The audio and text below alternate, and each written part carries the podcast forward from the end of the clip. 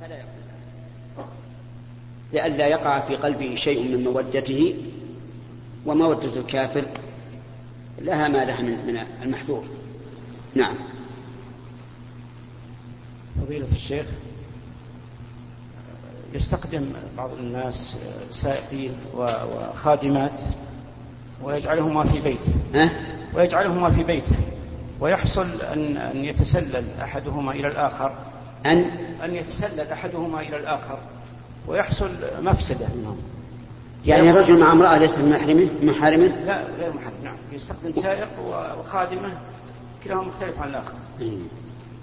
ثم يكتشف هذا صاحب البيت فيقوم بتسفيرهما ويقول لا أحب المشاكل والستر واجب. وبعضهم يقول لا يجب أن نسلمهما إلى السلطة ليأخذ جزاؤهما وحتى لا أعطل أحكام الله فيهم فما الذي ترونه أثابكم؟ أولا بارك الله فيك نقول لهذا الرجل أخطأت خطأ عظيما وإثم هذه المعصية عليك منه نصيب لأنه هو السبب. ولا يحل له هذا بأي حال من الأحوال. لأن النبي صلى الله عليه وسلم نهى أن يخلو رجل بامرأة إلا مع ذي محرم فكيف بين معه؟ هذه واحدة. ثانيا إذا وقع المحذور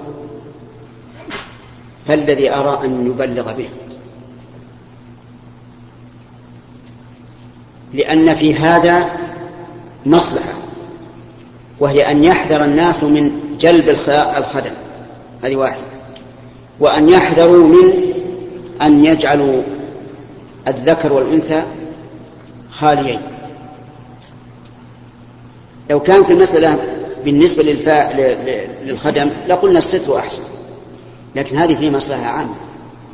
حتى يحذر الناس من جلب الخدم الذي أصبح موضة من الموضات ومفاخرة من المفاخرة حتى إن الإنسان يجلب الخادم بلا, بلا حاجة أو السائق بلا حاجة حتى إنه قيل لي إن بعض الناس خدمهم أكثر من أفراده. تجد البيت ليس فيه إلا رجل وامرأة وامرأته وعنده أربعة خوال. لماذا؟ فلعل الناس يقللون من من من جلب الخدم. نعم. مسألة الوجوب شيء آخر لأن الوجوب معناها الإثم بالترك. ما نقدر نقول يخبر به السلطة للمصلحة التي ذكرت. إيش؟ يخشى بعض الناس يخشى يقول شوف بارك الله فيك. اخبرتك أحكام الله ما معطله ولا, زائده ولا ناقصة. لأنه يستطيع أن يقول مهم منه الرجل. وإذا لم يثبت عليه شيء ما صار ما صار عليه شيء. لكن نحن نحن نريد أن نلاحظ المصالح العامة. المصالح العامة مقدمة على المصالح الخاصة.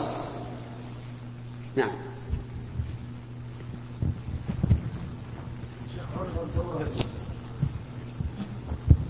نعم نعم. عرض الدورة يا شيخ في مجال العمل إلى إلى أمريكا يا شيخ. فهل يجب على الإنسان أن يذهب لهذه الدراسة إلى هناك من أجل المصلحة في مجال عمله؟ والله ما أدري إذا كان الرجل الذي آه، وقعت عليه القرعة أن يذهب إلى أمريكا أو غيرها من بلاد الكفر إذا كان رجلا داعيا عنده علم وعنده قدرة في الإقناع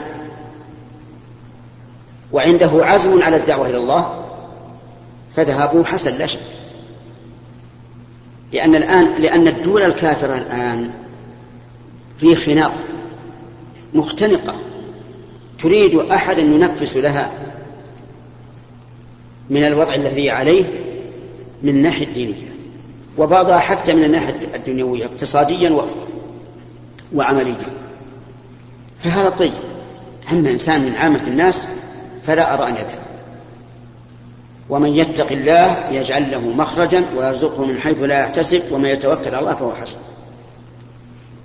لأن الذي بلغنا أن الذين يذهبون إلى هناك كثير منهم يرجع بلا خلق ولا دين والعياذ بالله. ليس كلهم لكن كثير منهم. وفيهم الحمد لله من هو طيب أرض خصبة ونبات طيب ونفع الناس وانتفع بنفسه. نعم. اليسار ها؟ إيش؟ هنا خذ المكتوبة عشان يسجل لأنه هذا بيسجل وينشر للمسلمين. هناك هناك امرأة متزوجة ومطلقة وتقدم لها رجل صالح. متزوجة ومطلقة؟ نعم. يعني سبق سبق لها أن تزوجت وطلقت. كل امرأة مطلقة نعم. ما في طلاق إلا من الزواج؟ نعم. ها؟ فتقدم لها رجل صالح. نعم. و... ولكن الرجل هذا أثبت التقارير أنه قد لا ينجب الطبية قد لا ينجب. فما أدري تطلب يعني استشارتك يا شيخ في هذا الأمر. هذه إن كانت ترجو النكاح بأن تكون امرأة عليها طلب فالأولى أن تختار من من من هو فحل ينجب. أما إذا كان الطلب عليها قليلا فإن هذا الرجل الذي يرضى دينه وخلقه يكون خيرا له. فالمسألة ترجع إلى حال المرأة. نعم. اليمين. السلام عليكم ورحمة الله وبركاته. امرأة تطيبت وتكحلت بعد أن أحرمت ناسية. فمن حكم, فمن حكم في ذلك؟ طيب. ليس عليها شيء. ليس عليها شيء. لكن الطيب تزيله متى ذكرت. أما الكحل فلا يضر. الطيب لأنه محرم في الإحرام. الكحل ليس محرما في الإحرام. ثم إني أقول لكم يا إخوان معشر الإخوة جميع المحرمات في العبادات إذا فعل الإنسان ناسا أو جاهلا أو مكرها فلا شيء عليه. في كل العبادات سواء في الصلاة أو في الصيام أو في الحج. فلو قدر أن الإنسان في الحج جامع زوجته ليلة مزدلفة بناء على أنه لما وقف بعرفة انتهى الحج. متوهما معنى فاسدا في الحديث الصحيح الحج عرفة قال وقفنا بعرفة وانتهى الحج وجامع زوجته ليلة مزدلفة. فلا شيء عليه. لا فدية ولا فساد حج ولا قضاء حج. لأنه لأنه جاهل. وهكذا نقول في جميع المحظورات. لو قتل صيدا وهو جاهل أو ناس فلا شيء عليه. في الصلاة لو أنه تكلم يظن أن الكلام لا بأس به مثل نادته أمه وهو يصلي فظن أن أن جواب الأم واجب ولو في الفريضة. فتكلم وهو لا يعتقد أنه يبطل الصلاة فصلاته صحيحة. وفي الصيام لو أكل يظن أن الشمس قد غربت ثم تبين أنها لم تغرب فصيامه صحيح. المهم خذوا هذه القاعدة. كل من فعل شيئا محرما في العبادة ناسيا أو جاهلا أو مكرها فليس عليه شيء. لا إثم ولا قضاء ولا كفار لقول الله تعالى ربنا لا تؤاخذنا إن نسينا وأخطأنا. فقال الله تعالى قد فعلت. ولقوله تعالى وليس عليكم جناح فيما أخطأتم به ولكن ما تعملت قلوبكم وكان الله غفورا رحيما ولقوله تعالى من كفر بالله من بعد إيمانه إلا من أكره وقلبه مطمئن بالإيمان ولكن من شرح بالكفر صدرا فعليهم غضب من الله ولهم عذاب عظيم. نعم. نعم. من اليسار من اليسار اللي هو الحق ياخذ الميكروفون. بالنسبة يا شيخ جزاك الله خير لصفة النور. ليش؟ صفة النور هل هي من صفات الله سبحانه وتعالى؟ النوم؟ النور. النور. أي نعم. قال الله تعالى الله نور السماوات والأرض. أي نعم. فقل ما قال الله عن نفسه. ولا تتجاوز ذلك. ولك سلف خير منك. وللمسؤول سلف خير منك. السلف الذين خير منك من هم؟ الصحابة رضي الله عنهم. والمسؤول الذي خير من, من المسؤول هنا في وقتنا رسول الله عليه الصلاة والسلام. هل لما نزلت هذه الآية قالوا يا رسول الله هل النور من أسماء الله أو صفاته؟ أجب يا سائل. لا لم يسألوا. لم يسأل. هل يسعنا ما وسعهم؟ نعم. أو يجوز أن نتعداهم لا يجوز أن نتعدى. لا يجوز أن نتعداهم يسعون ما نسعوا ما وسعهم. ولذلك أنا أنصح الأخوان الموجودين الآن من طلبة العلم وغير طلبة العلم أن يكفوا عن السؤال فيما يتعلق بأسماء الله وصفاته عما كف عليه عنه الصحابة رضي الله عنهم. فوالله إنهم لخير منا وإن الذي يتوجه السؤال إليه في وقتهم خير منا. فعلينا أن نقف. لماذا هذا التكلف نقول كما قال عن نفسه الله نور السماوات والأرض. إنك إذا سلكت هذه هذه القاعدة ونهجت هذا المنهج سلمت. سلمت عقيدتك من شكوك وأوهام. وسلمت من اتباع الهوى أو القول على الله بلا علم. فنصيحتي لكم ولمن يستمع إلى كلام هذا أن يتقي الله في نفسه. وأن يتجنب كل ما تجنبه الصحابة الكرام رضي الله عنهم. في الكف عن السؤال فيما يتعلق بأسماء الله وصفاته والصحابة رضي الله عنهم قد وفوا بالمقصود. والله عز وجل قد أكمل لنا الدين. ولو كان شيء يحتاج إلى سؤال وتوضيح لوفق الله تعالى من الصحابة من يسأل عنه. ولهذا كان الصحابة رضي الله عنهم أهل المدينة يستحيون أن يسألوا الرسول صلى الله عليه وسلم عن شيء من الأشياء حتى يتمنوا أن يأتي رجل من الأعراب يسأل عنه. فيقيض الله تعالى من يسأل عن الشيء فيجيب عنه الرسول عليه الصلاة والسلام. حتى سأله رجل أين كان الله قبل خلق السماوات والأرض؟ إلى الحد. فأجابه النبي عليه الصلاة والسلام. أجاب. لو كان شيء مما يتعلق بالدين يحتاج الناس إليه لقيض الله تعالى من يسأل عنه فكف عما كف عنه الصحابة. اترك هذا التقدير. يجي واحد متحذلق متعمق متكلف يقول كم أصابع الله مثلا؟ سبحان الله. أنت مكلف بهذا؟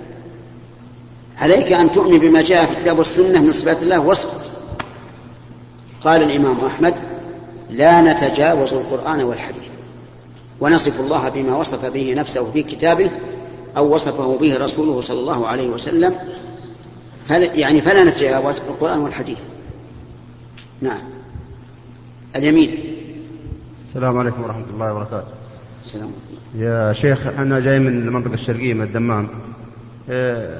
وأعمل في الدفاع المدني في الدمام. العاملين معايا تقريبا 90% من الرافضة.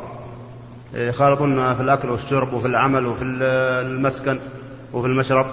يصلون معنا في المساجد. ما أدري إيش حكم اختلاطنا معهم يا شيخ وأكلنا معهم ومشاركتهم في الأعمال الداخلية بالنسبة للعمل.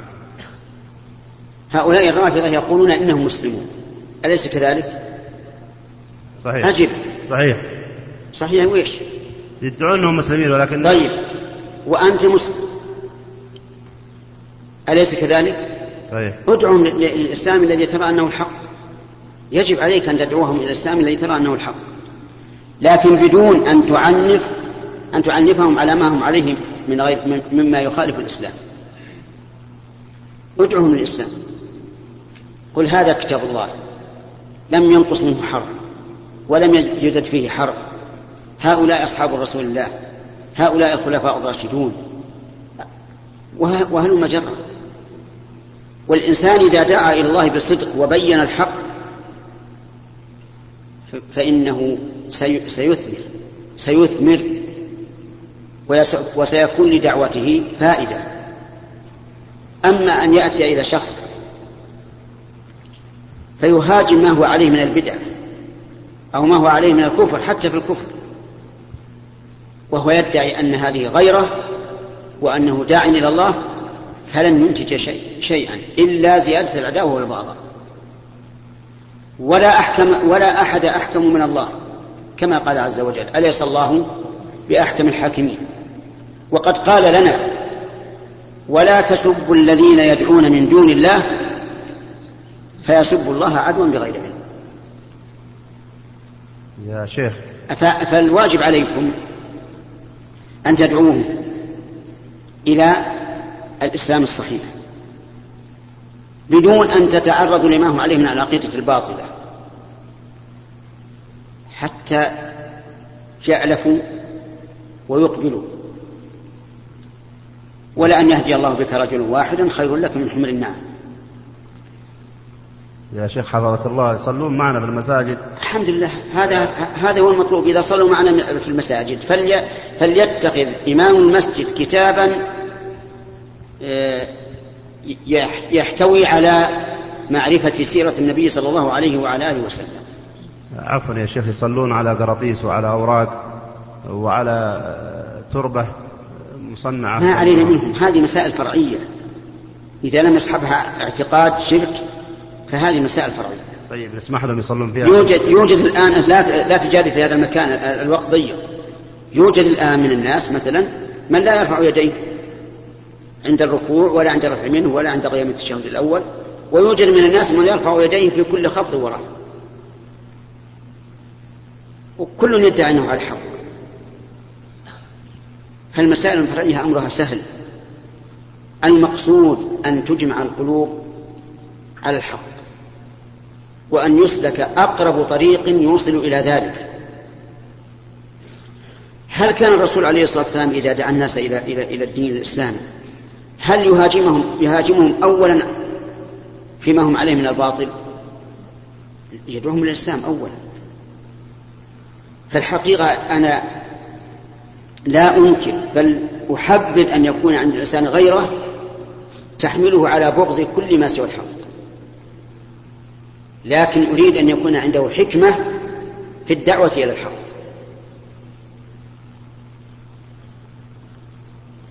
بعده؟ نعم. نعم. فضيلة الشيخ جزاك الله. لو سمحت نحن أيضا من أهل الشرقية. أريد أن أسأل عن حديث النبي صلى الله عليه وسلم الذي قال فيه لا تدعوا على أموالكم ولا أولادكم لعلها أن تصادف يعني ساعة إجابة لا يرد الله سائلا. إيش معنى هذا الحديث؟ وهل معنى ذلك أنه إذا كان الدعاء مثلا على شيء وقد يكون يدعو مثلا على ولده بغير حق مثلا هل معنى ذلك أن الله سبحانه وتعالى يستجيب له بسبب هذه الساعة الإجابة أم ماذا؟ سأسألك من الذي بيده الإجابة والرد الله سبحانه وتعالى.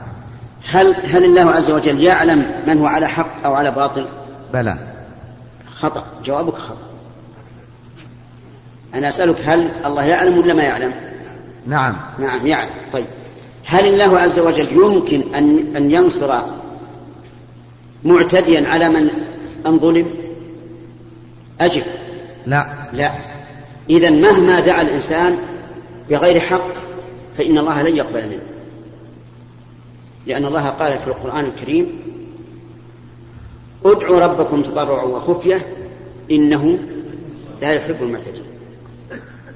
ويقول عز وجل إنه لا يفلح الظالمون.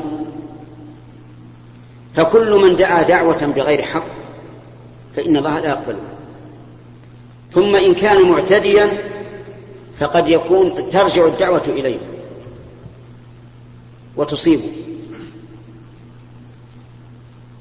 كما جاء ذلك في اللعنة أنه يصعد بها إلى السماء فترد ثم تتجول فإن كان صاحبها أهلا لها وقعت عليه وإن كان غير أهل رجعت إلى قائلها.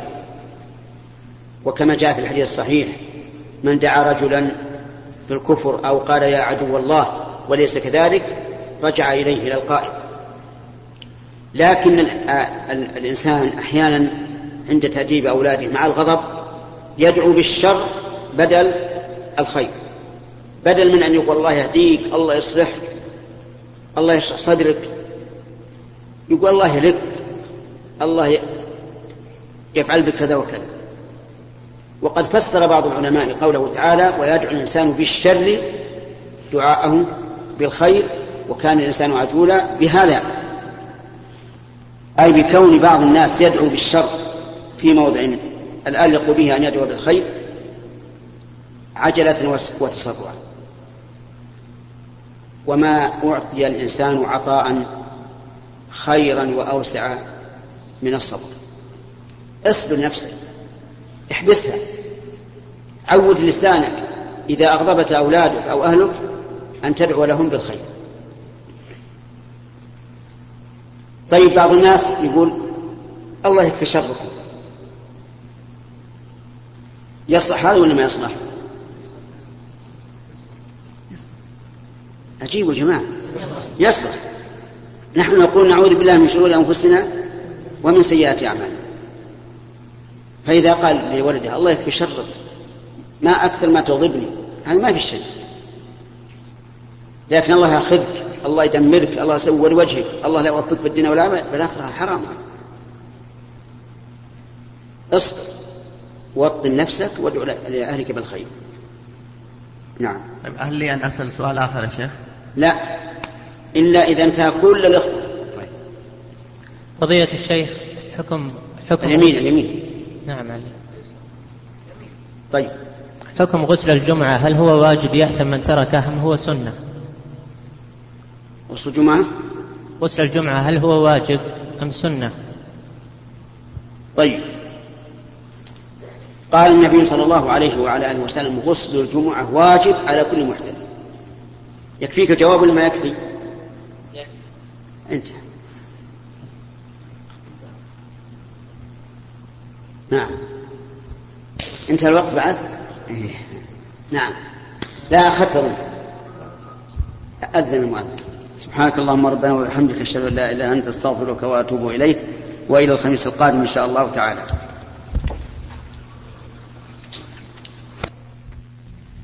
أيها الإخوة في ختام هذه المادة. نسأل الله أن نلقاكم في لقاءات متجددة. مع تحيات مؤسسة الاستقامة الإسلامية للإنتاج والتوزيع في عنيزة. شارع هلالة رقم الهاتف والناسخة الهاتفية صفر ستة ثلاثة ستة أربعة ثمانية ثمانية ثمانية صفر والرقم الثاني صفر ستة ثلاثة ستة أربعة خمسة ثمانية ثمانية صفر. ورقم صندوق البريد اثنان وخمسمائة وألف.